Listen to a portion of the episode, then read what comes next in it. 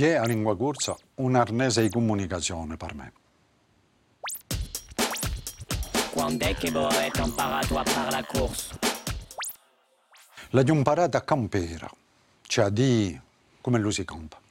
Poi dopo l'ho campata da imparare, cioè di quando ho avuto coscienza di ciò che lo rappresentava, della sua importanza, o di ciò che la mi puria io, so aveva più di 45 anni, l'ho campato ad imparare tutto il tempo, perché stimo che, come tutto il resto, per avanzare ci vuole fare attenzione, mica a restare a un tale livello, a un tale momento, se no si rincula e si perde il corso come il resto. Quando la dublate a lingua corsa?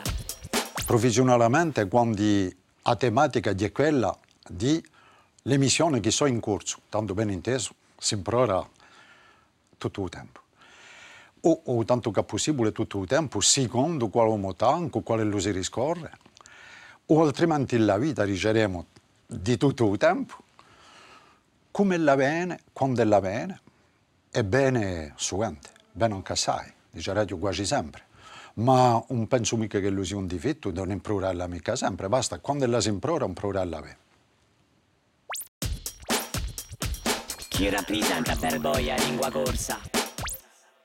Ciò che la rappresenta oggi è dice più allo stesso tempo su solco e sa, sa fondazione di tutta ciò che è la riflessione che mi ha permesso.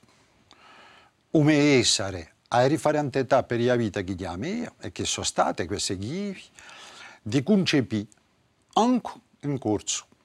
Perché penso di aver concepito e di continuare a concepire o tanto un corso che francese, penso d'altronde che non c'è mica più importanza, per me almeno, d'una per rapporto all'altra delle sue lingue, perché parto dal principio io che eh, so serie che costituiscono esattamente tutto ciò che è il fondamento e l'andatura di una riflessione, di un pensamento, di, di, infatti di ciò che uso senza che lui ci sia bisogno, da soprananne una per rapporto all'altro.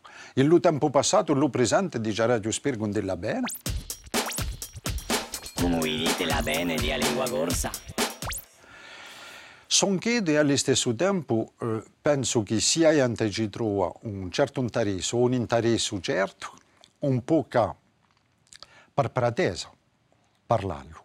Se lui lo parla mica, è decisione, i uti, eh, tutto ciò che è eh, pigliato in conto di, di, di, di, ministeri, di prefetture, di merrie o altro, mi pare mica interessante. È il fatto che ogni persona, se la ha, ha voglia, ha volontà, eh, brama, eh, un interesse per suo parlato, per sa lingua, tanto, se lo parla, si parlerà.